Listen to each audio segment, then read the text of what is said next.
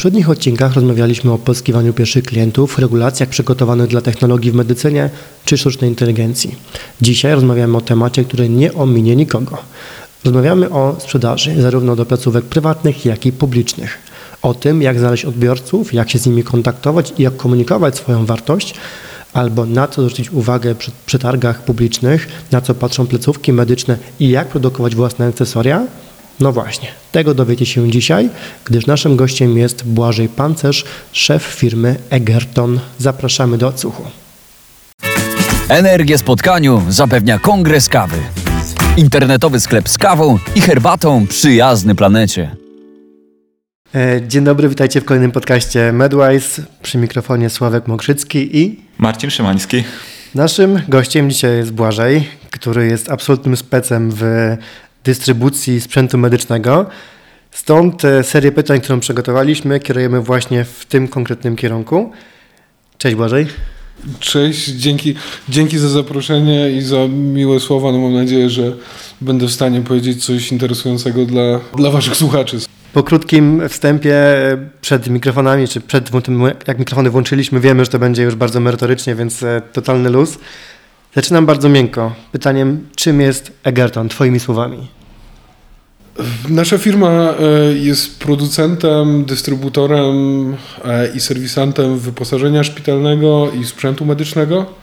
E, ostatnio w coraz większym stopniu również e-commerce'em. Okej. Okay. Opowiesz coś więcej, żebyśmy złapali ten właściwy y, kontekst? Ilu ludzi zatrudniacie, z iloma podmiotami pracujecie, w ilu krajach jesteście? Jeżeli chcesz, to możesz też powiedzieć, ile macie przychodów. Chcemy, żeby nasi słuchacze, słysząc za chwilę Twoje odpowiedzi, wiedzieli, z kim mają do czynienia, nie? Dlatego zadajemy te pytania. Jasne, no my nie jesteśmy, nie jesteśmy dużą, dużą firmą. Tu trzeba powiedzieć, że rynek sprzętu takiego jak nasz jest jednak zdominowany przez mniejsze, rodzinne firmy.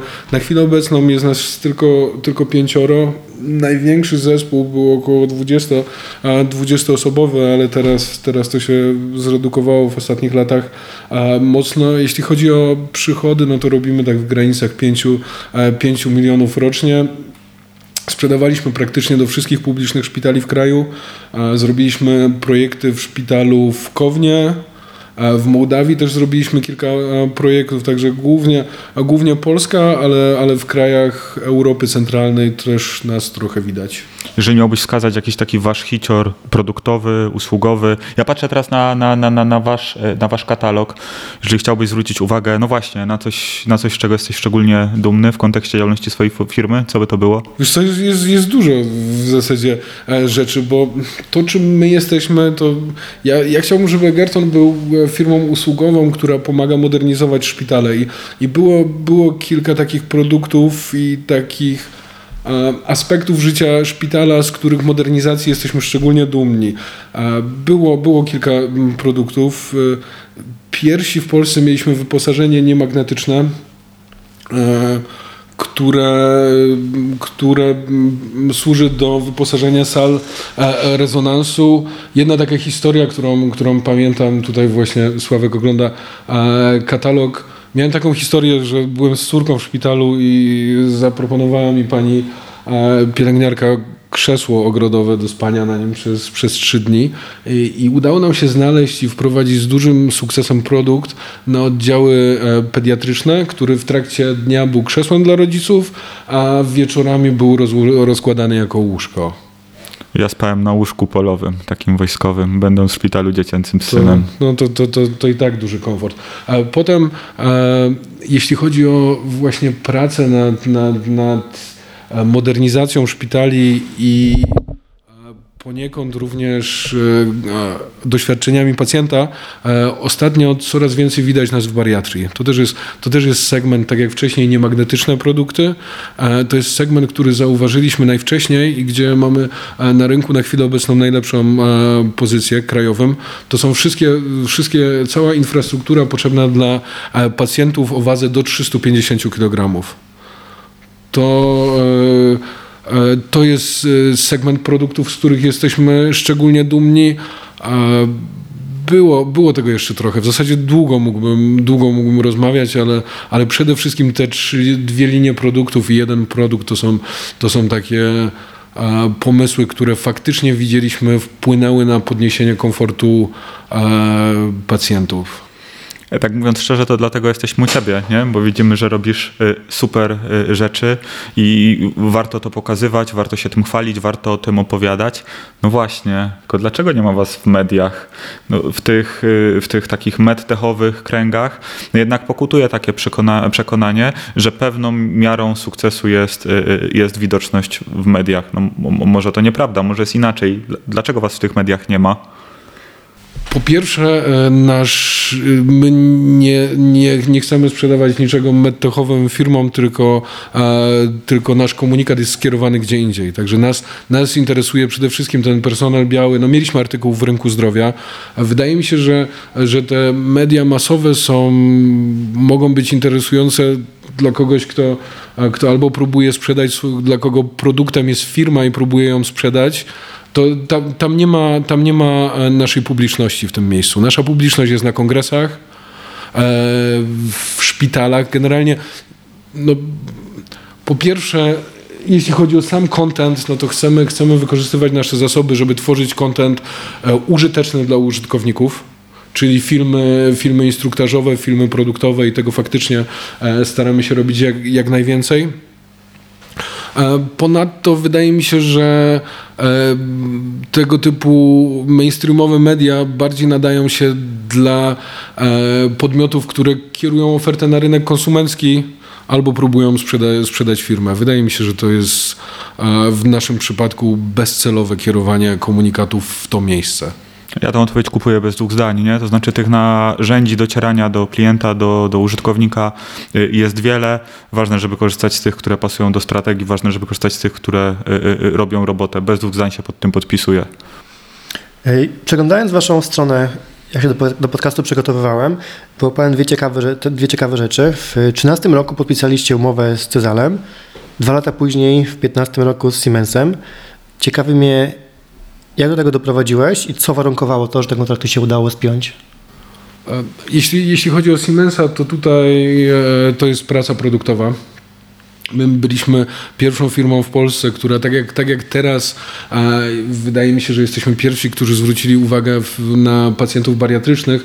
Wtedy zwróciliśmy uwagę na, na problem incydentów, które miały miejsce w pracowniach rezonansu magnetycznego. Widzieliśmy, no w Stanach były wypadki, gdzie butla tlenowa zabiła e, pacjenta, no bo rezonans wy, wytwarza bardzo silne pole magnetyczne a jeszcze w ogóle obiekty poruszają się ruchem kołowym, także nie wiadomo, w którą stronę, brzydko mówiąc, spieprzać.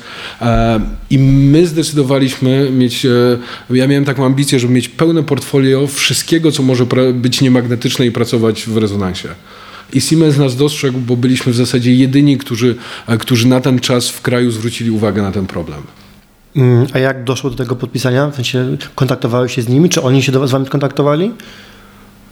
No, tradycyjnie telefon, potem, potem, potem wyjazd, wyjazd tam na Żupniczą do, do Warszawy i budowanie wieloletnich e, relacji. Tam te, te kontrakty się po, podpisuje później, jak już trochę z nimi popracujesz. Także, mhm. także generalnie pracuje się na przetargach. Czyli to wyglądało tak. Oni mieli jakieś, jakieś postępowanie, brali od nas wyceny, składali się z naszym towarem i, i tak to leciało. To jest turbo ważne. Myślę, że mało która firma, ja też się tym przyłapałem, E, ma kogoś wydelegowanego do tego, aby weryfikować przetargi. Czy to w szpitalach w Twoim przypadku, czy zapotrzebowaniach innych firm, bo się okazuje już druga rozmowa, w której e, pada hasło, że ktoś ogłosił nabór na, na stworzenie czegoś. No to tak samo było u Was, tak? Siemens ogłosił przetarg na w sensie jakiś. Mm... Nie, nie, no, pojedyncze projekty. Widzieli, gdzieś już tam chodzili za, za rezonansem w jakimś, w jakimś e, e, szpitalu i już przy, chodzi o projekty sprzedażowe. Czyli to nie był wewnętrzny Siemensa projekt znaleźć e, kogoś do pracy, kto dostarczy te produkty? Nie, nie, to były, to były projekty sprzedażowe. Już, już od razu poszliśmy e, w dostarczanie pod konkretny e, produkt sprzedażowy naszego sprzętu. Okej, okay, dobra, wszystko, wszystko jasne. A Cezal, jak wyglądało z nimi? E, no tutaj się nam dosyć poszczęściło, bo jak zaczynaliśmy właśnie, właśnie w tym miejscu, e, wprowadził się obok e, pan, który był dyrektorem handlowym w takiej bardzo fajnej firmie, w której ja byłem pracownikiem. No i on, on podzielił się swoimi, swoimi kontaktami, poznał nas z produkt managerem wtedy wrocławskiego, wrocławskiego Cezalu i tak rozpoczęła się współpraca, która trwa do dnia dzisiejszego. Okej, okay, superancko. E, mam jeszcze pytanko odnośnie też tego, co pewne na Waszej stronie. Mm, na górze macie mocny komunikat, że mm, jesteście partnerami mm, prywatnych jednostek, a jest tam też e, zapis, gdzie są wypunktowane duże współprace, które podjęliście i to są głównie szpitale. To docelowym klientem Waszym na dzień dzisiejszy jest ta strefa publiczna, prywatna, czy i to, i to? To zależy, jakie produkty. Mhm. Także no, na, na, chwilę obecną nasza, e, mamy w zasadzie dwie propozycje wartości. Jedna, jedna skierowana do prywatnych e, lekarzy, no, ze względu na obecną sytuację na rynku i konflikt z Komisją Europejską, no, rynek, rynek sprzętu medycznego w publicznych szpitalach bardzo cierpi i za, za, zanotowuje e, historyczne spadki. Dlatego trochę, trochę pivotujemy w kierunku prywatnych placówek. E, tym bardziej, że też, też miejmy świadomość, jak bardzo się zwiększa rynek prywatny. Przy budżecie NFZ-u na poziomie 100 miliardów prywatne usługi już wynoszą 50 miliardów.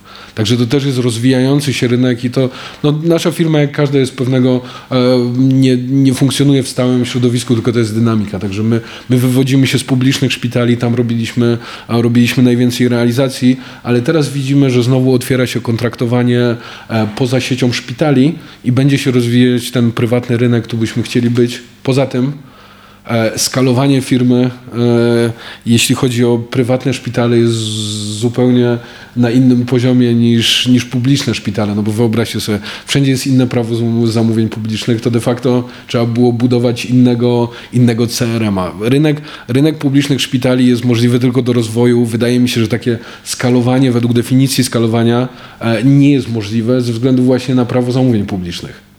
E, I jeśli chcemy rozwijać firmę na innych rynkach, to bez porównania łatwiej jest to zrobić w publicznych, e, w prywatnych placówkach, które kupują bez przetargów, niż dostosowywać się do każdego jednego systemu prawnego e, w kraju, gdzie kupuje się w procedurze zamówień publicznych.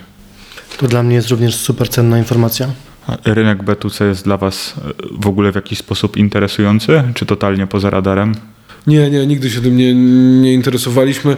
Przez przypadek jakoś pocztą pantoflową rozniósł się jeden produkt i panie tutaj do nas faktycznie dzwonią, bo e, jak interesowaliśmy się onkologią, znaleźliśmy czepki, które składzają głowę podczas chemii. Chcieliśmy to sprzedawać e, do szpitali, bo nie wiem, czy wiecie, jak, jak się schłodzi głowę intensywnie przy, przy e, chemioterapii, to w znacznie mniejszym stopniu włosy wypadają. E, no i pocztą pantoflową jakoś się rozniosło e, wśród pacjentek, że, że mamy tego typu produkt i, i faktycznie pacjentki od czasu do czasu e, kupują te czepki. To jest jeden, jeden wyjątek. Zobaczymy, jak w Polsce też po, będzie się rozwijał rynek produktów bariatrycznych, bo tutaj też nie wykluczamy oferowania produktów o zwiększonej nośności bezpośrednio do pacjentów, ale takie coś jeszcze nie miało miejsca. Także Jasne. B2B definitywnie.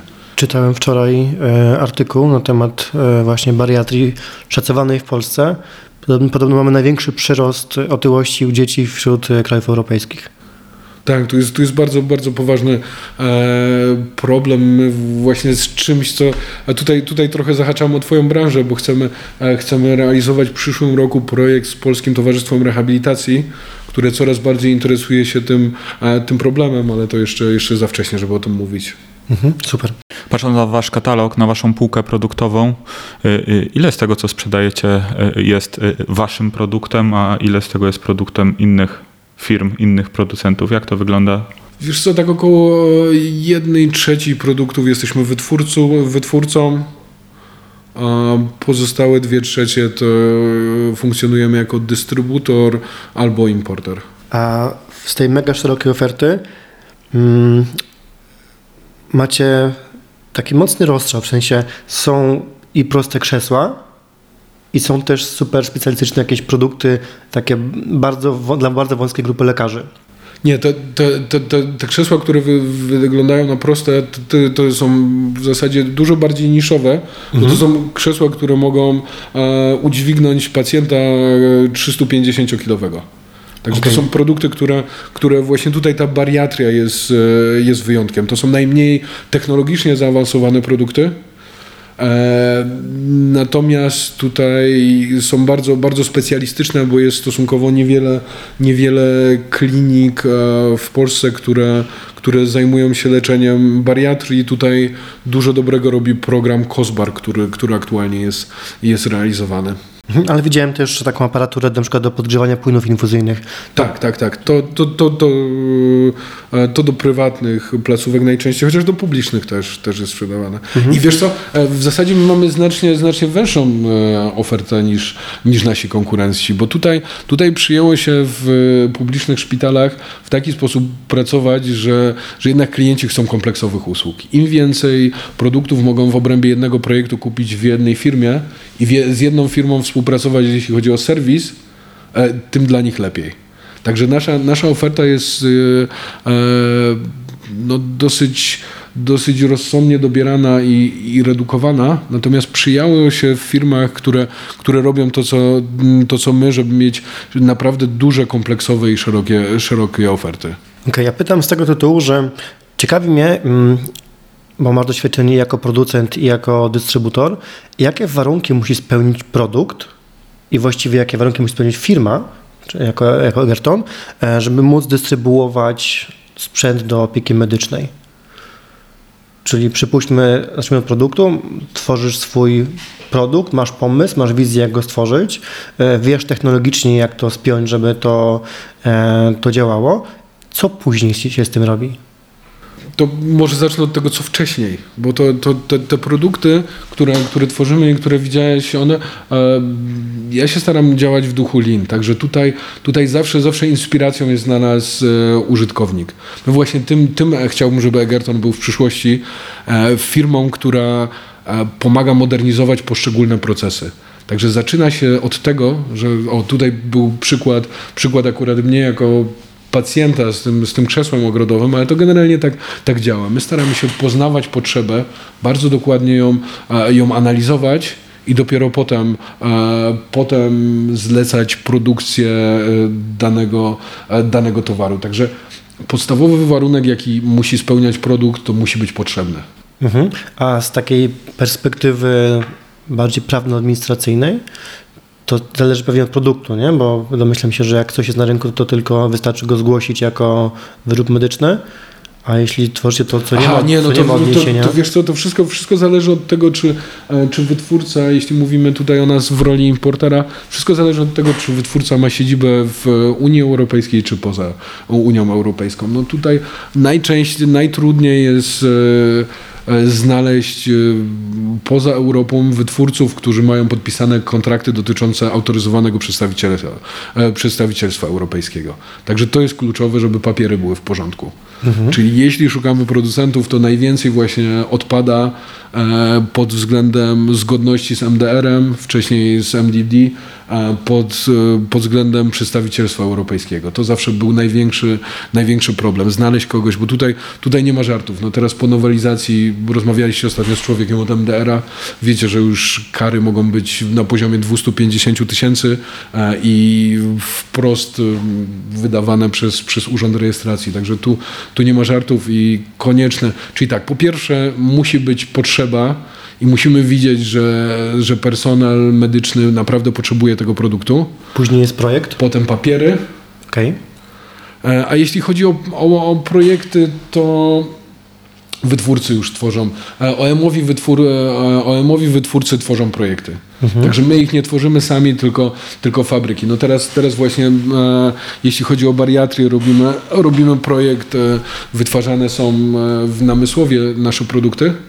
E, I tam już fabryka, która no, ma potężne doświadczenie, e, sama stworzyła projekt produktu, który, który produkuje dla nas.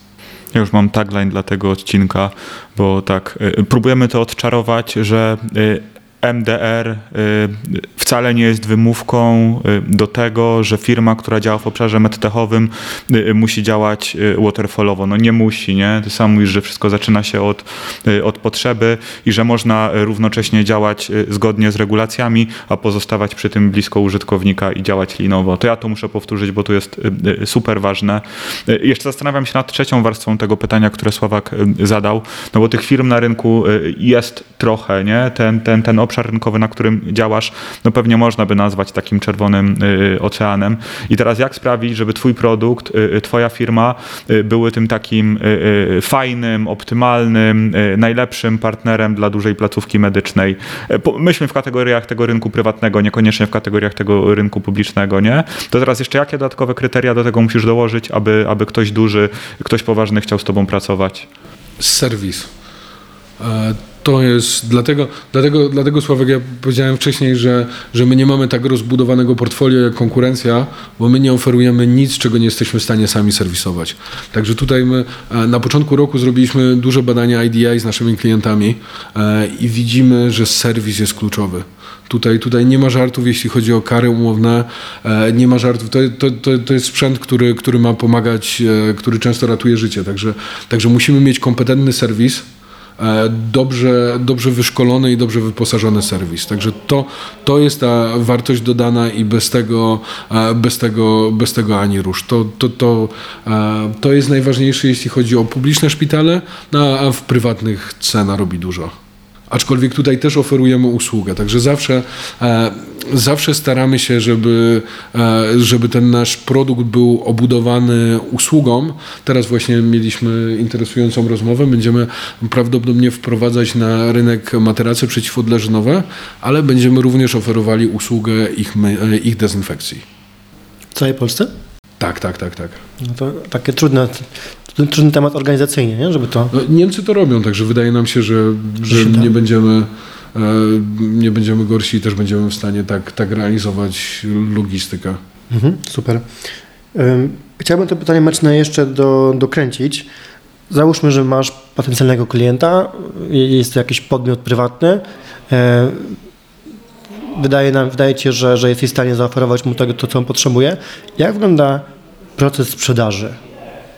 Kontakt, z kim się kontaktujesz, kogo szukasz, jak go szukasz, czy LinkedIn na przykład tutaj pełni jakąś rolę wsparcia? E, to wygląda, to wygląda w ten sposób, że e, jeśli chodzi o prywatne, to jest taki, e, to, jest, to z definicji się nazywa częściowym e-commerce'em. Czyli klient, klient znajduje nas przez internet, my rejestrujemy lida no i tutaj i obsługujemy go już dalej przez, przez telefon i maile. A macie jakieś działania wychodzące do klienta? No w ostatnim czasie nie, ale w publicznych szpitalach y, no nie, da się, nie da się osiągnąć sukcesu bez, bez tradycyjnej akwizycji. Okej. Okay.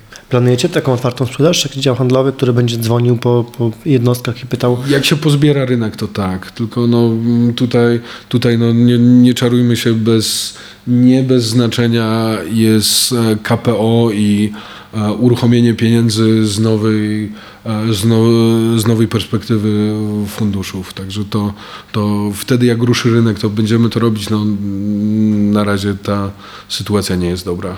Mało kto chyba wie, że ten temat KPO jest tak silnie wpływający na to, co się stanie z polskimi szpitalami. Tak, no bo y, może nie ze szpitalami, ale na, chodzi o nasz sprzęt, bo, bo szpitale swoje, swoje pieniądze wydają na jednoraz, wypłaty, e, nie na taki sprzęt inwestycyjny jak nasz. Te, te, ten, ten, ten sprzęt, który, który widzicie w naszych katalogach, on w zasadzie jest tylko i wyłącznie kupowany za pieniądze z dotacji.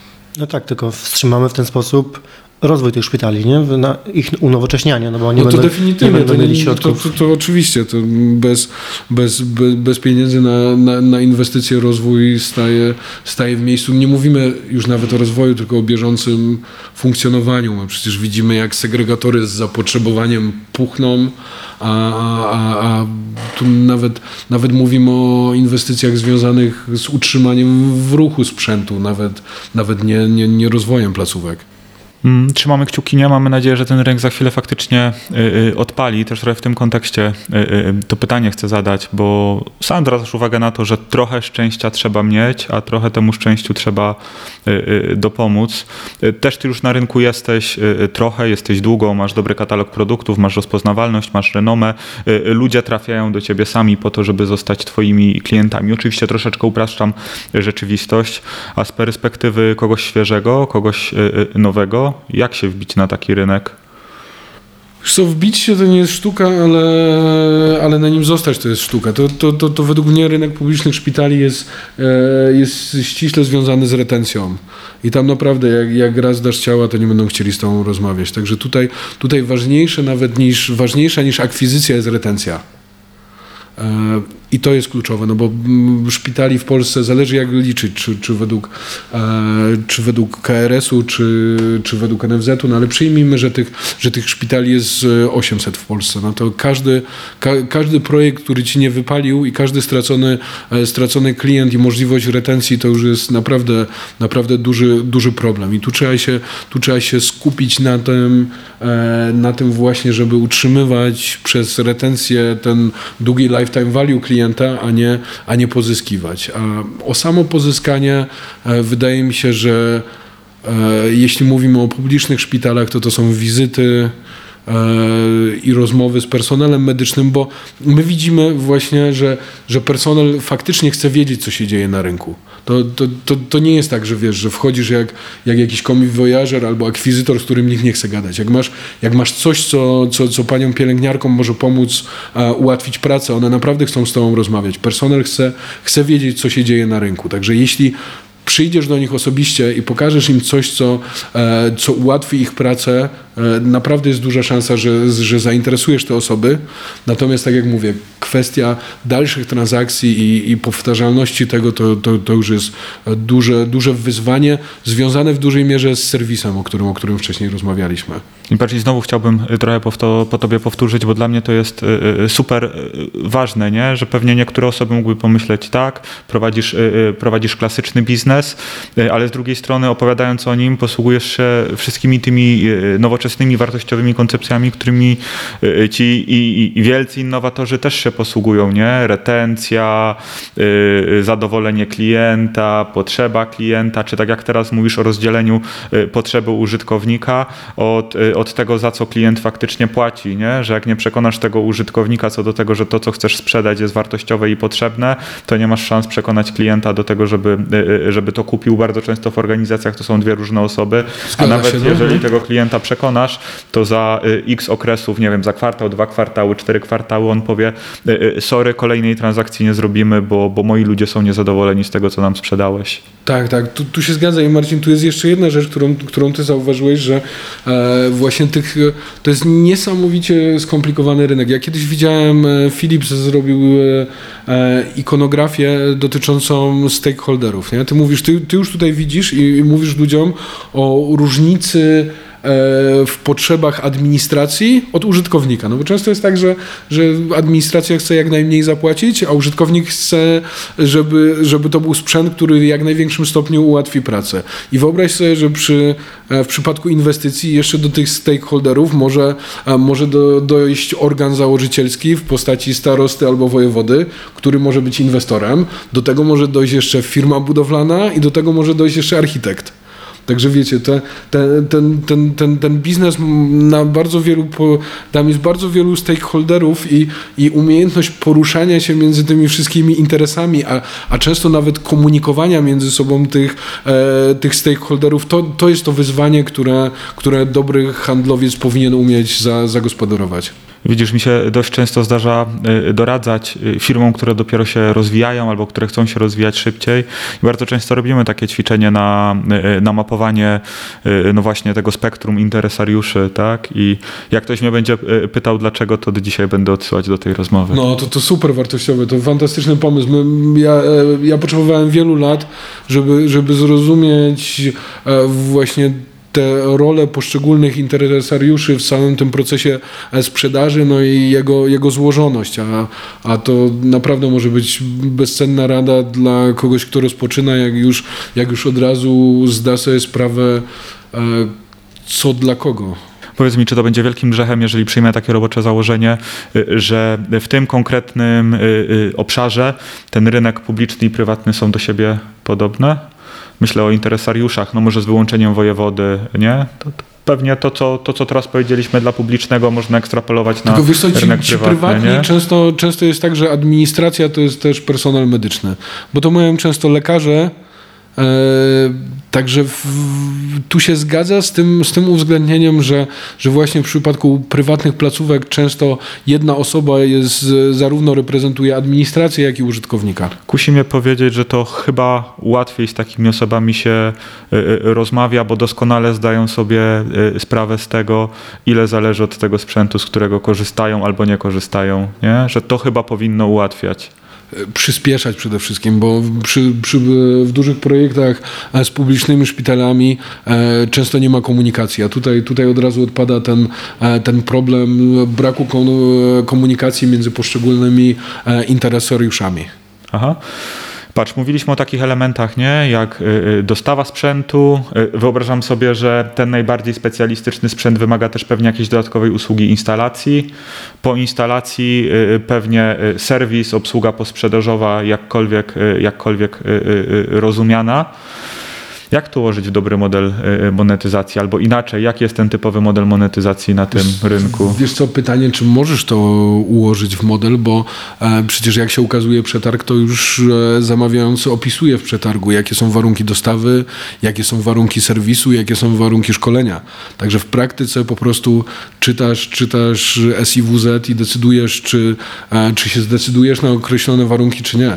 Także sposób monetyzacji jest taki, no, albo zadawać pytania do przetargów związane z, e, z karami umownymi, albo nie wchodzić w przetargi, gdzie są albo za wysokie kary umowne, albo zbyt duże oczekiwania zamawiającego odnośnie, odnośnie prac serwisowych, bo to wiesz, nie zdarzają się zapisy, gdzie zamawiający życzy sobie, że w kilka godzin musisz, musisz być i naprawić sprzęt, także to, to, to, to, to jest w tym, w tym kluczowe. I że wyraziłem jakiś swój entuzjazm, e, nie dlatego, żebym był fanem takiego podejścia, e, raczej dlatego, że, że tak po prostu nazywasz, nie? Bo w tym, w tym moim świecie e, mówi się o tym, że umiejętność znajdowania nowych, wygodnych, elastycznych sposobów monetyzowania na produkcie i, i, i, i na usłudze jest czymś, na czym firma może budować swoją przewagę konkurencyjną, nie? A okazuje się, że najprawdopodobniej przedsiębiorcy w tej branży pozbawieni są no, takiego elementu,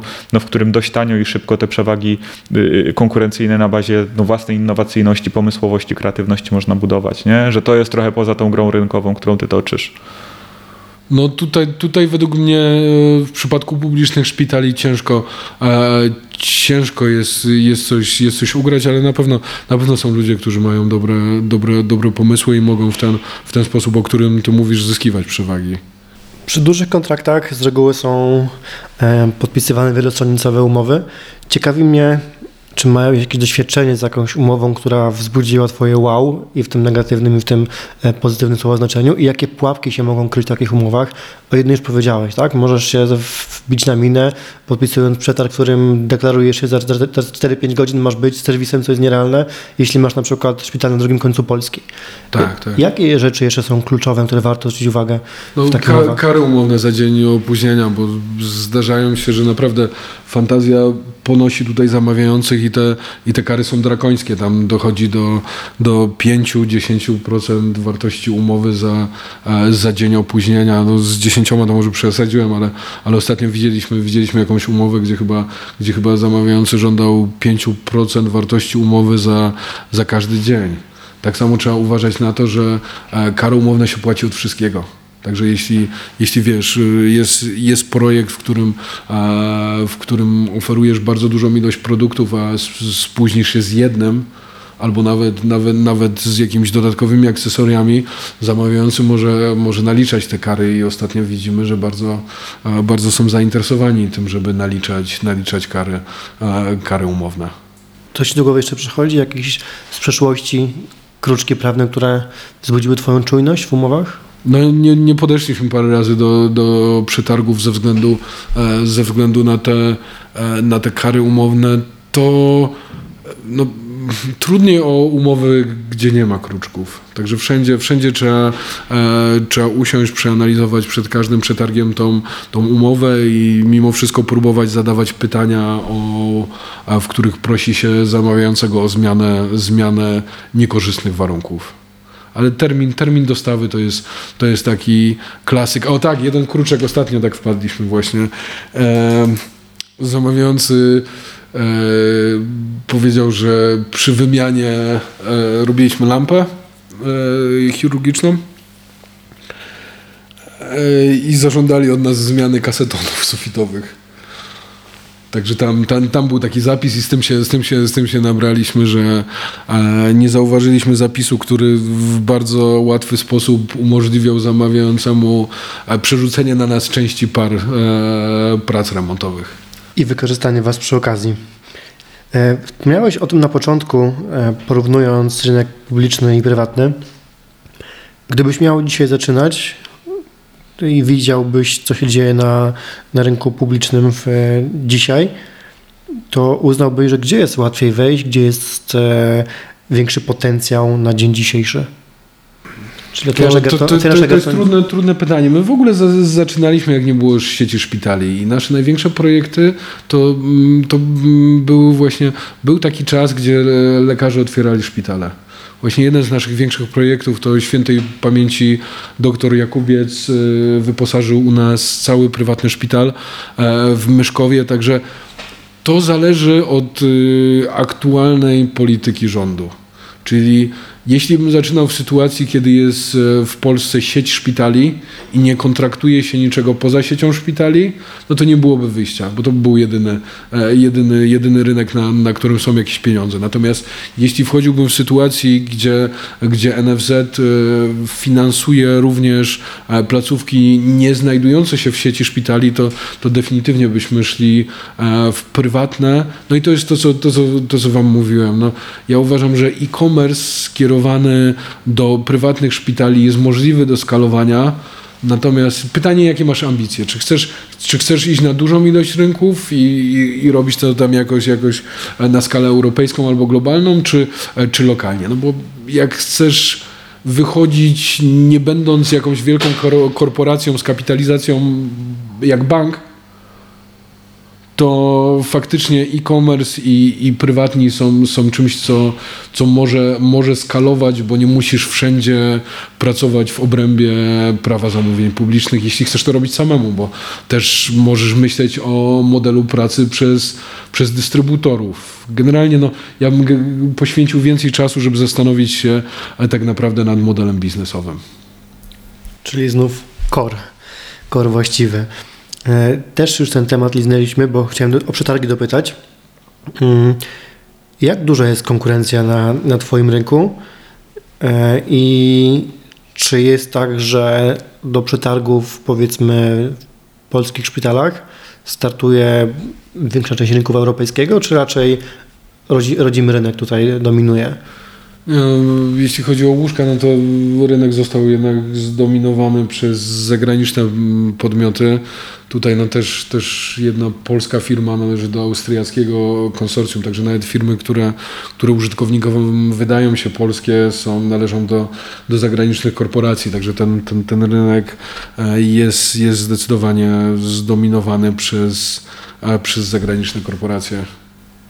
Czyli A jeśli chodzi no, konkurentów, to też nie ma znaczenia, ilu jest konkurentów, bo to em, no, większość, większość przetargów na świecie, podobno 65% według Instytutu Gardnera jest rozstrzyganych przed ich ogłoszeniem.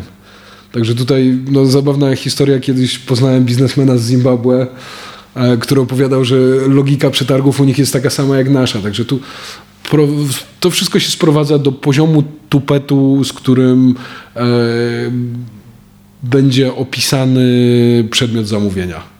Bo możesz w OPZ napisać, wiesz, no, specyfikacja łóżka może mieć cztery strony, może mieć pół strony.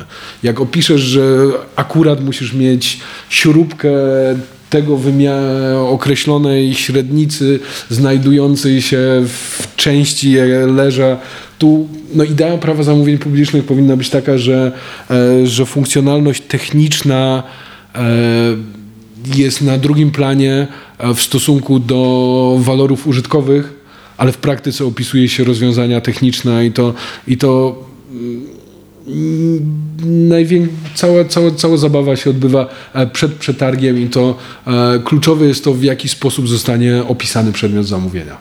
Pewne miasto w Polsce e, tak ogłosiło przetarg na samochód dla, dla burmistrza czy prezydenta, że podali nawet wielkość bagażnika co do litra i tylko jeden model spełnia te wymogi.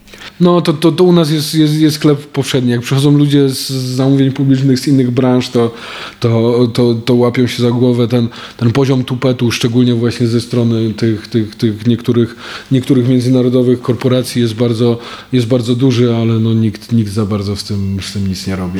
Mi się jeszcze śmieszniejsza sytuacja y, y, przypomniała, to chyba był przetarg na y, samochody dla policji, ale te, które jeżdżą nieoznakowane po to, żeby na autostradach, na drogach szybkiego ruchu zatrzymywać tych, którzy przesadzają z prędkością. I, i, i- tam to poszło w tym kierunku, że faktycznie można było wymyśleć, y, jaki samochód y, y, policja chce zamówić. No I, I dzięki temu też było wiadomo, na jakie samochody należy bardziej na autostradach uważać. Nie? Bo domniemanie było tak, to może być, to może być ukryty radar. Znaczy tu, tu jeszcze jeden problem czasami się pojawia, że zamawiający wymyślają produkty, które nie istnieją. Łączą kilka różnych specyfikacji technicznych w jeden, w jeden produkt, który, który tak naprawdę nie istnieje i wtedy, wtedy to trzeba albo prostować pytaniami, albo, albo uwalać przetarg. Fajne, podoba mi się. E, e, Wiesz, e, szukamy jeszcze, nie? Takie, takiego sprytnego podejścia do mądrego budowania firmy i widzimy, że ty przynależysz do, do, do, do, do klastra, do klastrów. E, No i właśnie, zastanawiam się, czy to jest jakiś taki kierunek, który młode firmy powinny rozważać. Czy ta idea clusteringu, networkingu, łączenia się, bycia blisko z firmami podobnymi, to jest to, jest to coś, co, co, co, co robi biznes, co pomaga robić biznes? Definitywnie tak. Tutaj, tutaj w Zabrzu mamy, mamy takie imprezy, które się nazywają MedTech.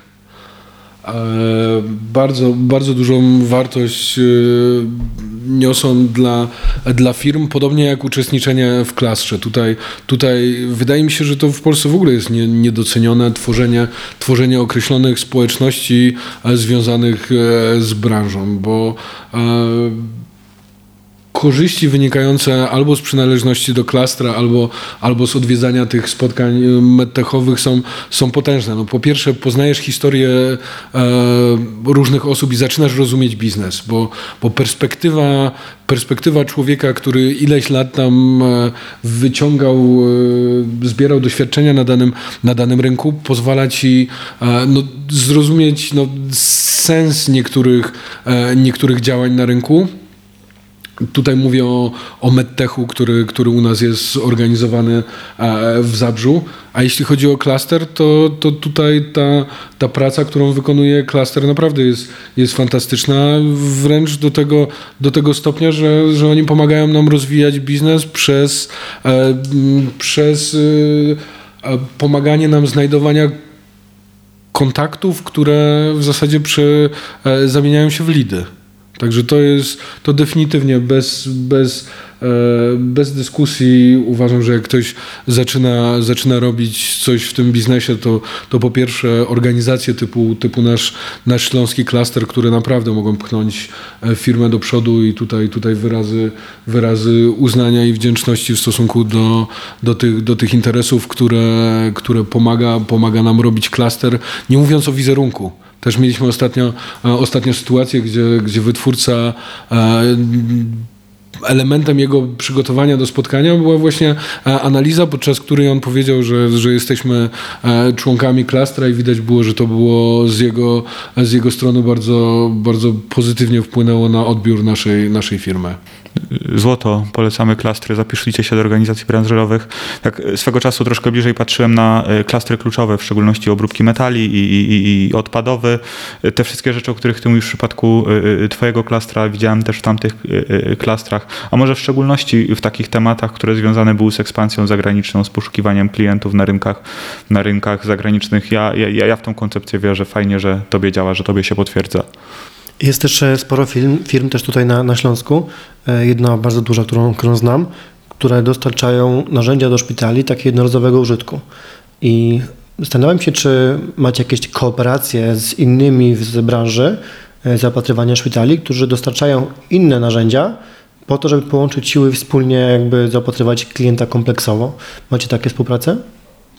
Trochę jeśli chodzi o dezynfekcję, bo czymś trzeba dezynfekować te, e, te nasze, nasze produkty i często, często polecamy e, firmy, które oferują środki, e, środki dezynfekcyjne.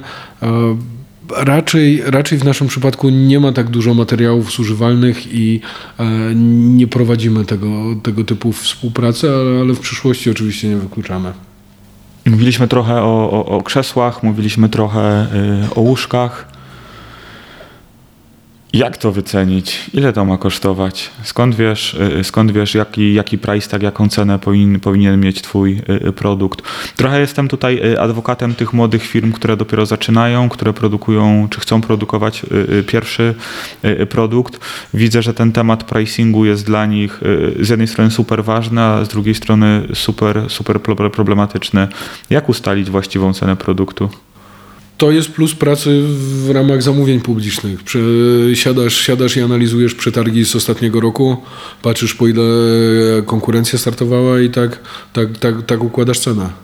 I wtedy twoim zadaniem jako przedsiębiorcy, jako wydwórcy jest tak zarządzać swoją firmą, abyś był w stanie wyprodukować to na tyle taniej, dostarczyć to na, na, na, na, na tyle taniej, żeby jakaś marża dla ciebie została, tak? Czyli to tak, jest takie tak, tak. konkurencyjne podejście do ceny. Zobacz, jak robi to konkurencja, wyrównaj tą cenę albo daj odrobinę niższą, ale miej pewność, że, że jakaś marża ci zostanie. Znaczy my nie chcemy być najtańsi nigdy i też, też rzadko, rzadko kiedy nam się zdarza być być, mieć, mieć najniższą cenę. Raczej, raczej y, tu jest, wydaje mi się, takie niebezpieczeństwo, że y, możesz dawać zbyt niskie ceny, żeby potem móc świadczyć usługi serwisowe na dobrym poziomie. Także po pierwsze wydaje mi się, że powinno się przeanalizować konkurencję, a po drugie naprawdę policzyć, ile nas będzie kosztowało na przykład sprawdzenie raz w roku tego sprzętu, ile nas będzie kosztowało serwisowanie tego. Także to, to chyba są dwa najważniejsze elementy. Super, ja, ja też to powtarzam y, y, osobom, firmom, z którymi pracuję, że, że ostrożnie z tą ceną. Ja rozumiem, że chcesz być tani, że chcesz zdobyć dodatkowe y, punkty, czy chcesz być bardziej konkurencyjny na tym własnym poziomie, ale uważaj, bo nawet jeżeli będziesz odrobinkę na plusie, to być może za chwilę okaże się, że ty wcale nie masz ochoty, nie chce ci się tego kontraktu czy tego projektu prowadzić za, za taki poziom marży, jaki sobie sam właśnie narzucasz, nie? To ja to ryzyko także widzę. No są, są, są ludzie, którzy wiesz, dla, dla, dla referencji na początku startują, startują nisko w jakichś, e, w jakichś postępowaniach. No, my już jesteśmy tak długo, że, że nie chce nam się pracować za frytki. Już, już chcielibyśmy naprawdę godziwe pieniądze za, za naszą pracę i takie, które pozwolą nam utrzymać tego klienta w przyszłości i świadczyć dobrą usługę serwisową. Czy te usługi, które świadczycie, tą dystrybucję, którą świadczycie, próbowaliście albo planujecie próbować dystrybuować na rynki zagraniczne? Blisko są stosunkowo Czechy, e, inne kraje, Słowacja, Niemcy. Macie takie e, doświadczenia? Wiesz co, teraz, bo zrobiliśmy eksperyment. Ja, ja, jednak staram się, e, staram się działać, działać w ten sposób i e, będziemy teraz otwierać jeden e-commerce na angielski rynek, e, drugi na holenderski no i zaczynamy, zaczynamy dzisiaj, dzisiaj rozmawialiśmy z bułgarskimi klientami. Tutaj te, te południe Europy chcielibyśmy, chcielibyśmy też trochę zagospodarować. Także tak, zdecydowanie to na tym się będziemy koncentrować w najbliższym czasie i już, już, już w tym roku mocno pracujemy na tym, żeby, żeby nasze produkty znalazły się na rynku rumuńskim, węgierskim, bułgarskim, holenderskim i angielskim. A skąd te kraje akurat? To, jest, to wynika z jakichś badań czy z jakichś kontaktów, które mieliście wcześniej przygotowane? Wiesz co, no dużo, dużo tych realizacji... Yy, ja, ja z wykształcenia, ja skończyłem rosyjski i e, właśnie i, na Mołda, i Mołdawia, i Litwa to były, gdzie robiliśmy wcześniej projekty, to były kraje, gdzie ja osobiście z właścicielami firm e, rozmawiałem po rosyjsku. I tutaj też w Bułgarii, e, w Bułgarii liczymy na to, że, że też po rosyjsku się będziemy e, komunikować. Tak jak, tak, tak jak mówiłem wcześniej, e, to na jakie rynki chcemy. Zrobiliśmy kampanię adsową na cały świat i zobaczyliśmy, gdzie najlepiej to brzydko mówiąc żre. I właśnie na tych rynkach widzieliśmy, że, że zażarło i tam, tam, tam zdecydowaliśmy kierować nasze starania. Znowu lin. Proszę? Znowu Testowaliście? Tak, tak, tak, tak, zdecydowanie. Bardzo mi się podoba ten język, którym się posługujesz, nie? To, to znaczy, ja też to często powtarzam, jak nie wiesz, to nie zgaduj, y, odpal eksperyment biznesowy, przetestuj, klient ci powie, nie? Będziesz wiedział, jak, jak, jak żre, to dosypuj, jak nie żre, to, to, to, to ubijaj. Nie ma innej ścieżki na tak dynamicznym rynku. Tak, tak. I my, my właśnie w ten, w, w ten sposób chcielibyśmy, e, chcielibyśmy rozwijać e, rynki zagraniczne i właśnie optymalizować to w tym kierunku. Tam, gdzie najlepiej zażarło, tam najwięcej zasobów kierować. Wiesz co, e, nie wiem, czy to już jest częścią twojej e, rzeczywistości. E, Jeżeli nie, to mam wrażenie, że po tym nagraniu chyba się stanie. Teraz chcielibyśmy zmienić troszeczkę perspektywę, mówić troszkę bardziej głosem startupów albo podpytywać ciebie w imieniu startupów, młodych spółek technologicznych. Też tak te firmy można nazwać. Zdarza się, że takie firmy próbują, chcą pracować z tobą, no właśnie bazując na twoich kontaktach, na twojej rozpoznawalności, na twoich kompetencjach przychodzą do ciebie startupy, y, prosząc ci o możliwość współpracy, na przykład w zakresie dystrybucji ich produktów, twoimi kanałami? Wiesz co... y, Nie, w zasadzie nie, nie, nie zgłaszają się do nas startupy. E, Jeden startup, który jednocześnie był inwestorem, był zainteresowany tym, żeby, e, żeby zainwestować w naszą, w naszą spółkę, ale tu się, e, tu się nie dogadaliśmy. Okej, to, to, to, to ciekawe. To jeżeli mielibyśmy takie hipotezy stawiać i, i, eksperymentować e, na twoim inboxie, to, to, to mam nadzieję, albo e, e, tak myślę, że być może e, e, kilka wiadomości w kolejnych dniach w swoim inboxie znajdziesz, no właśnie, no właśnie w tym, e, e, w tym duchu, no bo, bo z tego co mówisz, no to, to, to pewnie jak e, mało osób w Polsce znasz się na tym, jak sprzedawać do podmiotów, nie? Do podmiotów. A ja pracując ze startupami medycznymi widzę, że to jest kompetencja, która jest bardzo poszukiwana, nie? Że startupy upatrują pewnych szans w tym, e, e, żeby, e, żeby pracować z dystrybutorami, e, no, no właśnie, żeby dystrybutorzy albo wyspecjalizowane firmy pomagały im do tych dużych podmiotów medycznych e, e, docierać. Wiesz co, to poteoretyzujmy teraz troszeczkę. Co musiałby posiadać taki, taki startup, aby dla ciebie mógł być interesującym partnerem, podmiotem? No pa papiery przede wszystkim, mówię, że jak ktoś przychodzi i mówi, że, że robi, robi MDR, no to co, co, co, co mi z tego? Czyli po pierwsze, po pierwsze kwity i musiało być to zarejestrowane i to porządnie.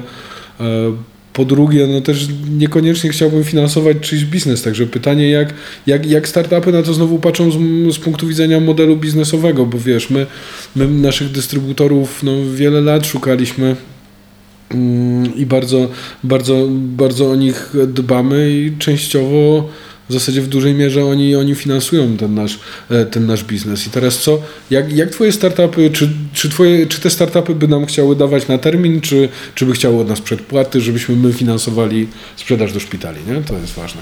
Hmm, ja słyszę, to, co mówisz, że z jednej strony y, ktoś, kto nie ma jeszcze y, certyfikatu, tak, czyli nie może y, legalnie sprzedawać swoich produktów na rynku, no, nie jest dla ciebie partnerem, no bo w jakim zakresie, a, a, a druga rzecz jest taka, że jeżeli ktoś nie ma tej podstawowej, nie wiem, zdolności operacyjnej, czy umiejętności zachowania płynności finansowej, no to też pewnie ciężko będzie wam rozmawiać, nie? Czyli raczej, raczej jeżeli z kim miałbyś współpracować, to, to, to, to z firmą, która już ten zalążek swojego modelu biznesowego odnalazła.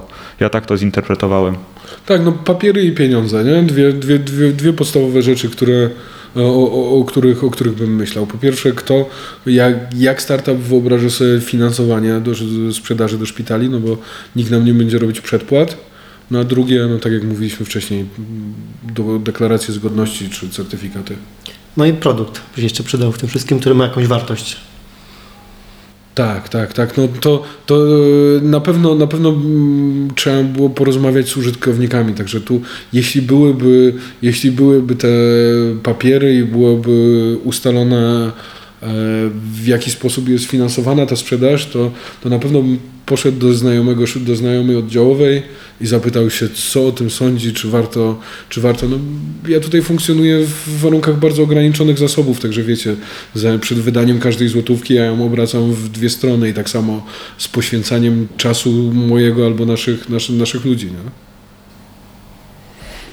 To, to, to, to ważne, co mówisz, nie? To znaczy, że bycie innowacyjnym, y, bycie odważnym, y, bycie y, dobrze wyedukowanym w tych koncepcji, w, tej, w tych koncepcjach startupowych, czyli nowych, no wcale, wcale nie zwalnia, no nie wiem, z konieczności stosowania tych takich podstawowych zasad bycia gospodarnym. No właśnie, a ja się zastanawiam jeszcze, mm, mm, jeszcze nad tym. Byłem w takich, w takich rozmowach, nie chcę tutaj podawać nazwy, nazwy firmy. Firma z ciekawym produktem, z innowacyjnym produktem, z potrzebnym produktem. Zastanawialiśmy się nad możliwością budowy, budowy nowych kanałów sprzedaży dla tego produktu na rynkach zagranicznych, na rynku niemieckim, na rynku amerykańskim. Wymyśliliśmy, że dobrze by to było robić przez jakąś wyspecjalizowaną firmę, przez jakiegoś dystrybutora. Odpaliliśmy kilka kontaktów, zaczęliśmy rozmawiać z zaprzyjaźnionymi osobami, które na tych rynkach funkcjonują, które się znają i w zasadzie usłyszeliśmy bardzo podobne odpowiedzi, to znaczy po pierwsze, jeżeli nie masz wysokiego wolumenu sprzedaży, jeżeli nie myślisz, że bardzo szybko będziesz w stanie realizować tam sprzedaży w milionach euro albo w milionach dolarów, to, to nawet nie myśl o budowaniu własnych kanałów sprzedażowych, bo, bo to się po prostu nie opłaci. Faktycznie szukaj dystrybutora, no a jeżeli szukasz dystrybutora, to musisz założyć, że pewnie 40%, 35%, 45% tych przychodów, które wygenerujesz za pośrednictwem tego dystrybutora, będziesz musiał, będziesz musiał temu dystrybutorowi oddać. Czy to faktycznie są takie liczby, które można, można przyjąć za, no nie wiem, na przykład dla właściwe także dla rynku polskiego? Tak to działa? Wiesz co, no, tradycyjnie to się tak na, na 15 punktach pracowało, ale teraz ostatnio chcieliśmy coś sprzedać jako pośrednik i, e, i nam zaoferowali 3-4%, także te, te, te, te 40% marże to, to, to, to nie, to, to nie, nie, nie wierzę w to. E, powiedziałeś o amerykańskim rynku. No, pytanie, czy ktoś w Polsce umie papiery do FDA zrobić, nie? Czy to dystrybutor już miał to w FDA re rejestrować? Nie, ale to ciekawe, co mówisz, bo w ostatniej dyskusji takiej, e, kto z, z małych firm e, technologicznych, medycznych potrafi w FDA, mieliśmy ostatni raz dzisiaj o poranku. Nie? Tak? Więc to jest, no. to, jest, to jest dobra dobra intuicja. Super, wiesz, ale to jest dobra wiadomość, że być może te, te, te procenty czy te punkty pro, procentowe wcale nie muszą być tak Co, ty, jak tak ktoś ma dobry, dobry produkt, teraz, teraz to naprawdę te, te marże bardzo, bardzo, bardzo zmalały i dosłownie na, na kilku punktach się e, pracuje. Jeśli mam ten dobry produkt, to na co muszę uważać z takimi dystrybutorami? Oczywiście nie mówię o tobie. E, mamy dużego dystrybutora, mam produkt, chciałbym mu go zaoferować. Jakie ryzyka dostrzegasz takiej współpracy z perspektywy startupu? No na pewno dystrybutor może sam zacząć wytwarzać ten, ten produkt, skopiować technologię i, e, i ominąć tego, tego wytwórcę, no zrobić sobie to na OM-ach w Chinach taniej i, i samemu zarejestrować, także tu zawsze, zawsze jest to ryzyko, nie? Czyli jeśli poczuje dystrybutor, że ok, jest trakcja, to się przyjęło na rynku, to jest duże ryzyko, że zacznie robić to samemu. No, jaki my mieliśmy problem z dystrybutorami na początku, no to najzwyczajniej na świecie e, no, firma upadła i nie zapłaciła nam faktur, także to na to trzeba zwracać uwagę z dystrybutorami, jak ich kredytujesz, czy wiesz, czy ja bym tu rekomendował jakieś ubezpieczenia kupieckie, czy coś, bo my mieliśmy po prostu w kolejce się e, umówić, e, ustawić do, do syndyka, a, a tu naprawdę Renoma zagrała niebagatelną rolę, bo to była firma e, związana z prezesem jednej z większych polskich firm na, na rynku wyposażenia medycznego i ta firma upadła i tam na kilkadziesiąt tysięcy faktur nam nie, nie zapłacili. Także no najpierw wydaje mi się, że dobrze by było zobaczyć w KRS-ie, sprawdzić jakie ma wyniki ta spółka, a, a zapłacić jakiejś firmie za ubezpieczenie kupieckie też by chyba nie, nie zawadziło i nie pokazywać za dużo, żeby ktoś nie zaczął cię mijać chyba. Czyli dwa punkty, ryzyko kradzieży produktu i ryzyko niewypłacalności. Tak, tak, tak. To są największe, największe problemy. A czy Twoim zdaniem taki młody startup mający produkt jest w stanie poradzić sobie bez dystrybutora, bez jego sieci kontaktów, bez e, tego całego zaplecza? No bo e, spodziewam się, że to nie jest takie proste, że sobie wchodzę na rynek i dystrybuuję coś do szpitali. Wiesz co, to zależy od y, osobowości foundera E, Ja osobiście miałem taki okres, że no, pozwalniałem przedstawicieli i sam zacząłem jeździć po szpitalach. Także jeśli, jeśli to jest ktoś, kto, brzydko mówiąc, umie coś opierdolić, ktoś, kto umie coś sprzedać, mam nadzieję, że to wytniecie, e, to, to, to, to słuchaj, no, bierzesz auto w leasing, siadasz i jeździsz po tych, po tych szpitalach. To wiesz, w dużym wojewódzkim mieście masz po kilka, po kilka szpitali, także wydaje mi się, że najbardziej realistyczne do takiego foundera to jest kupić, wziąć sobie kartę paliwową i odbywać dużą, dużą ilość spotkań, spotkań w terenie. Spokojnie jesteś, jesteś w stanie samemu, samemu pozyskiwać szanse sprzedażowe, szczególnie, że to jest, jest taki proces sprzedażowy o długiej inkubacji, także jesteś w stanie samodzielnie bardzo dużą ilość klientów samemu, samemu utrzymać. Także ja, ja bym to radził. Wsiadaj w auto i zapieprzaj po szpitalach. Nie? Swoją drogą wspomniałeś przedtem, że e, istotna jest kwestia terminu płatności. To jest norma w szpitalach i placówkach prywatnych, że jest termin płatności? Nie, wiesz co, prywatni ci albo przedpłacają, albo robią leasingi i bank ci przepłaca.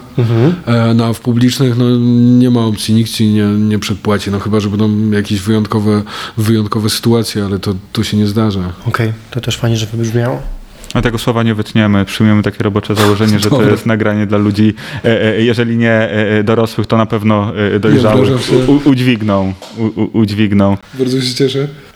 Słuchaj, ja tak myślę, że, że wyszedł nam tego taki odcinek pełny, pełny wiedzy, na pewno do odsłuchania nie raz, ale co najmniej dwa, w szczególności jeżeli ktoś chce sprzedawać do podmiotów. Mi było niezmiernie miło na to, że w tym, w tym turbulentnym czasie znalazłeś dla nas no, odrobinę przestrzeni, żeby, żeby porozmawiać. Dzięki za to dzisiejsze spotkanie. Dzięki, dzięki. Bardzo, bardzo miło. Ja również super dziękuję. To był taki odcinek bardzo, bardzo taki. Do tej pory, jak rozmawialiśmy, to dużo było takich rzeczy trochę abstrakcyjnych, nie? Takich e, nowoczesny biznes, nowoczesna technologia, a tu się opieraliśmy o klasykę. No to tak, takie mocne realia. E, I to ma fajny, fajny kontrast do, do całości. E, dla mnie super dużo wiedzy, więc jeszcze raz dziękuję. Dzięki, bardzo było miło pogadać.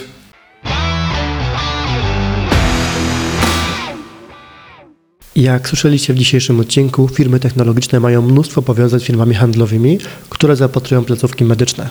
Błażej jednak pokazał nieco inną perspektywę prowadzenia działalności i wskazał te trudności, które prawdopodobnie uchronią wielu founderów od niepotrzebnych błędów. Jeśli też tak czujecie, jeśli podoba Wam się ten odcinek, zostawcie suba i dołączcie do naszego Slacka, którego znajdziecie w opisie odcinka. Tam wymieniamy się sporą dawką wiedzy. Dzięki.